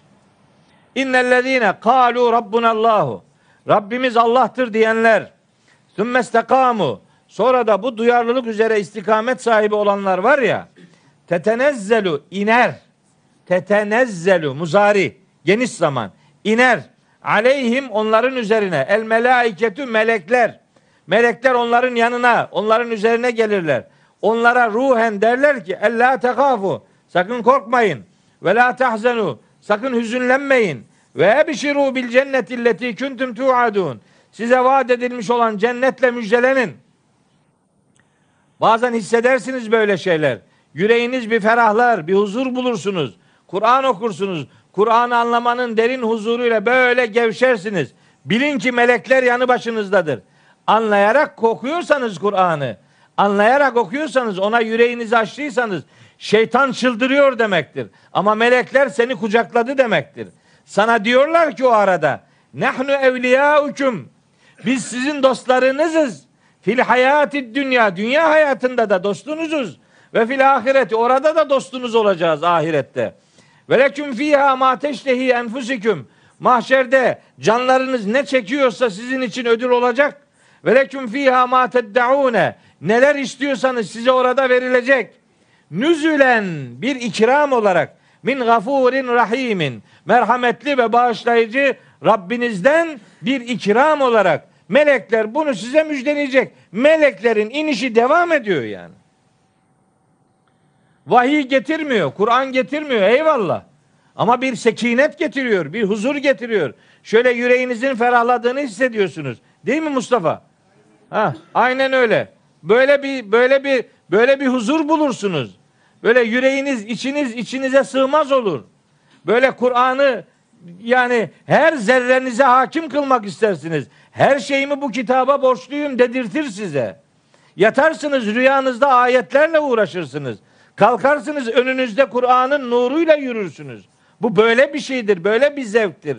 Adam bundan haberi olmadığı için, balın tadını bilmediği için reçinde, reçinelere, pisarlara bal muamelesi yapıyor. Pisar var bizim oralarda. Öyle bir yöresel bir şey dedik. Pisar, ya çamdan akan şeyler var ya. Reçine bizim orada pisar derler buna. Pisar adam bala benziyor diye pisara dilini vurursa bir daha ver. Onu bal zannediyor. Ballar balını buldum. Kovanım yağma olsun diyen Yunus gibi. Vahyi bulacaksın. Vahyi bulursan vahiy senin yüreğini zaten doldurur. Başka taraflara ne zaman gideceğine bu karar verir merak etme. Ama balı bulursan bu böyledir. Melek sekineti seni kaplarsa bu böyledir. Meleğin sekinetinin seni kaplaması vahye yüreğini açmakla mümkündür. Yüreğini vahye kapatan adamın böyle bir zevkten nemalanması mümkün değil. O başka başka gece lambalarını güneş zanneder gözüm. Gece lambasına güneş muamelesi yapar. Benim ışığım bu der. Güneşi görünce de gözleri kamaşır. Aa bu da neymiş diye. Güneşi tanımaz.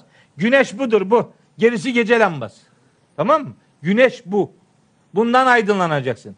Işığın ve ısın bundan gelecek. İçin ısınacak Kur'an'la. İçin ısınacak, ısın. Ah, iki üç tane ayet var böyle adamın içini ısıtan ama neyse vakit geçti. Ee, uzatmayayım.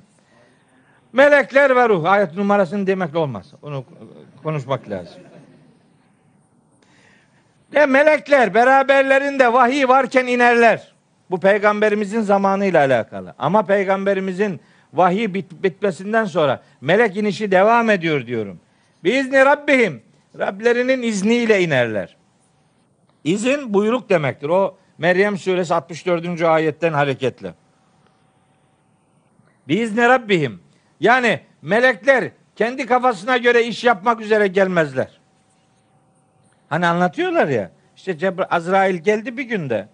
Bizim hoca efendinin yanına dedi ona ki yani ben şimdi gelmek istemiyorum git. O da gitti. Ha, buna inanıyor adam yani.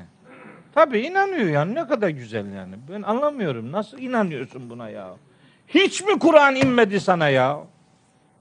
La havle ve la kuvvete illa billahil aliyyil azim ya. Biizni Rabbihim. Rablerinin izniyle, Rab, Rablerinin emriyle gelirler. Hem niye gelirler? Min külli emrin. Her işle alakalı olarak. Biliyor musunuz? Kur'an her işle alakalı temel prensipler getirir. Vahyin hayata dair her işle alakalı temel öğretileri vardır. O öğretilerin hayattaki karşılığının ne olduğunu da biz peygamberimizin sünnetinden öğreniriz. Ama onun sünnetinin beslendiği damar kaynak Kur'an'dır. Min külli emrin her işle alakalı olarak bu vahiy melekler tarafından Allah'ın emriyle iner. İndi. Şimdi bizim hayatımıza inmesi bekleniyor. Onun için anlaşılacak bu. Hatta İbn Abbas çok enteresan ya. Ben İbn Abbas'a İmam Ferra'nın Meanil Kur'an diye bir kitabı var. Benim başucu kitaplarımdan biridir. Orada gördüm başka yerlerde de var.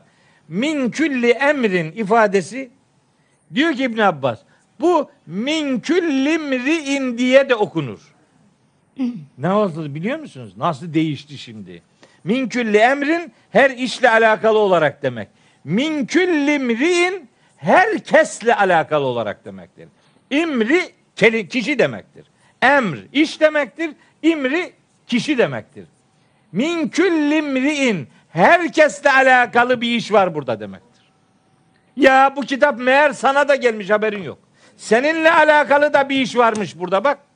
Sadece dedeni idare etsin diye değil, seni de idare etsin diye herkesle alakalı buyrukları varmış bu kitabın. Ya açman gerekiyormuş.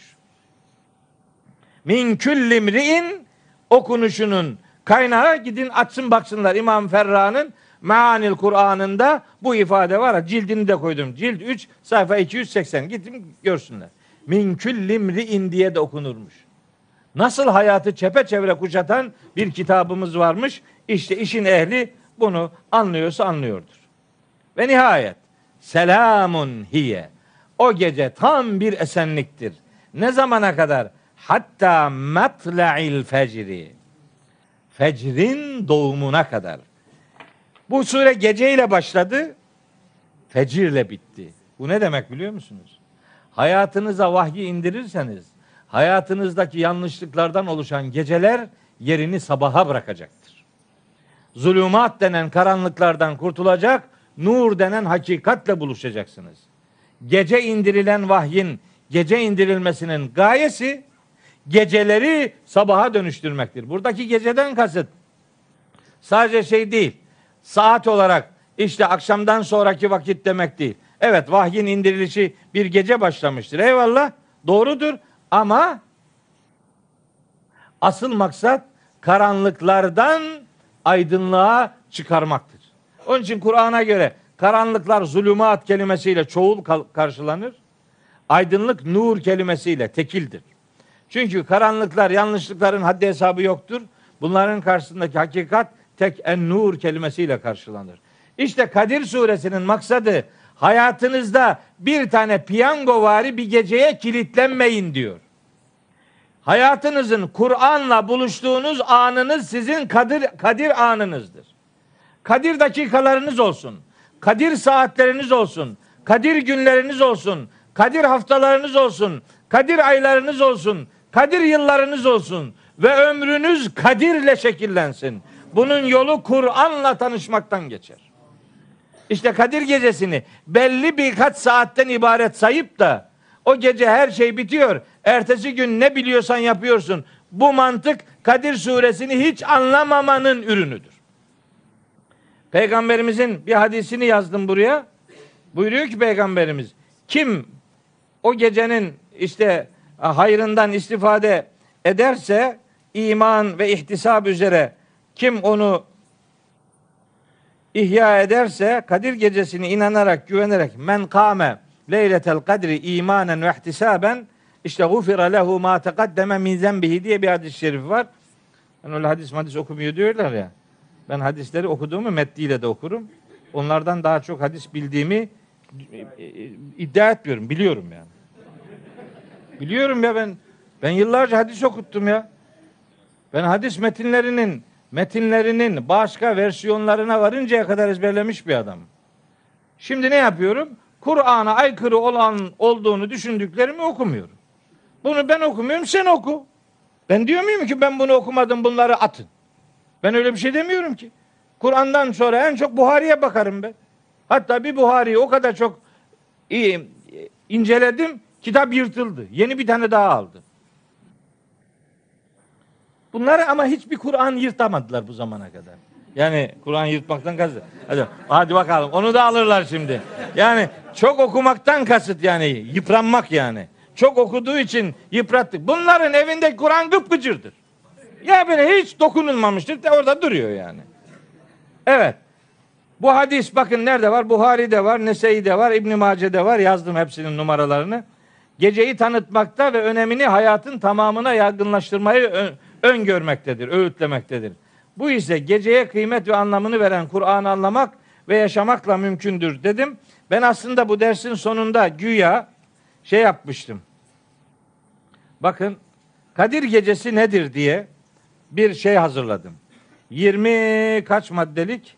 25 maddelik bir Kadir Gecesi nedir'i özetleyen, Kur'an'da Kadir gecesini özetleyen Kadir ve kıymetin kaynağı vahidir noktasından hareket eden 25 tane madde özetlemiştim. Onları aktaracaktım ama maalesef ona vaktimiz kalmadı.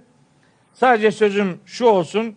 Efendimiz Aleyhisselatü Vesselam'ın Risalet hayatının 23 yıl süren bu hayatın uygulamalarının Kur'an'la yoğrulmaktan başka bir şey olmadığını bu vesileyle söylemiş olayım. Efendimiz Aleyhisselam'ın en devamlı sünnetinin Kur'an'ı anlamak ve Kur'an'ı yaşamak olduğunu da beyan edeyim. Kadrini, kıymetini vahiden alan yiğitlere selam olsun duasıyla bugünkü dersi böylece sona erdirelim.